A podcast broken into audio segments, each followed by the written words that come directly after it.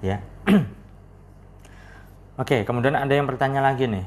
Cara yang paling mudah untuk menerapkan afirmasi positif. Begini, afirmasi itu adalah sebuah kata-kata yang disusun sedemikian rupa. Maksudnya sedemikian rupa itu adalah kata-kata tertentu yang benar-benar disusun dengan sangat hati-hati atau dengan sangat teliti yang tujuannya untuk mensugesti diri kita sendiri.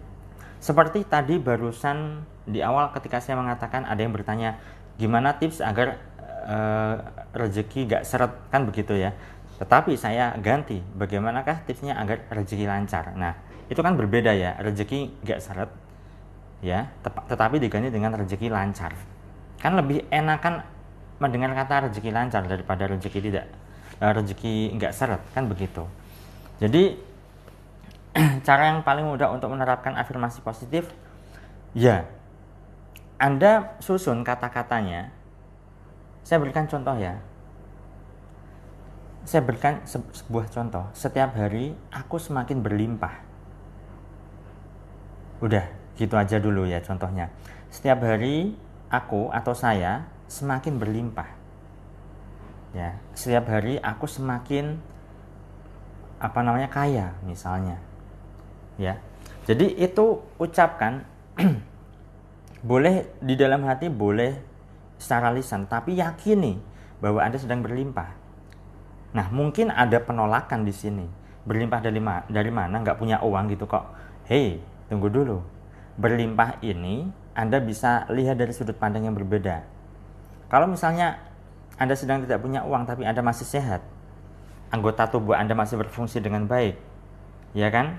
Tangan Anda masih punya dua, mata Anda masih bisa melihat.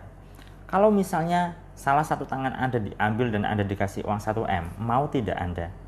Kan tidak mau. Otomatis sebenar, sebenarnya Anda sudah berlimpah. Yaitu dengan apa? Dengan kesehatan Anda, dengan lengkapnya tubuh Anda, kan begitu.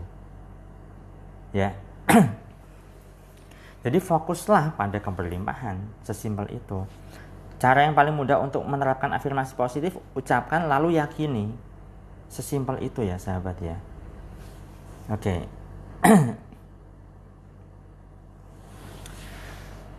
uh, eh, ada yang bertanya lagi bagaimana menyikapi di saat terpuruk.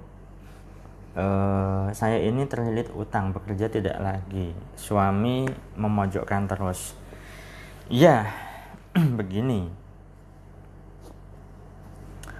Kalau misalnya sedang terpuruk, maka perbanyak saja mendoakan kebaikan untuk orang lain. Fokuskan pada menebar energi positif, menebar senyuman ke tetangga, ke teman, mendoakan hal-hal baik untuk suaminya, mendoakan hal-hal baik untuk tetangganya, mendoakan hal-hal baik untuk saudaranya, siapa pun itu. Ketika Anda fokusnya pada kebaikan, maka yang kembali adalah kebaikan, begitu. Itu ya sahabat ya.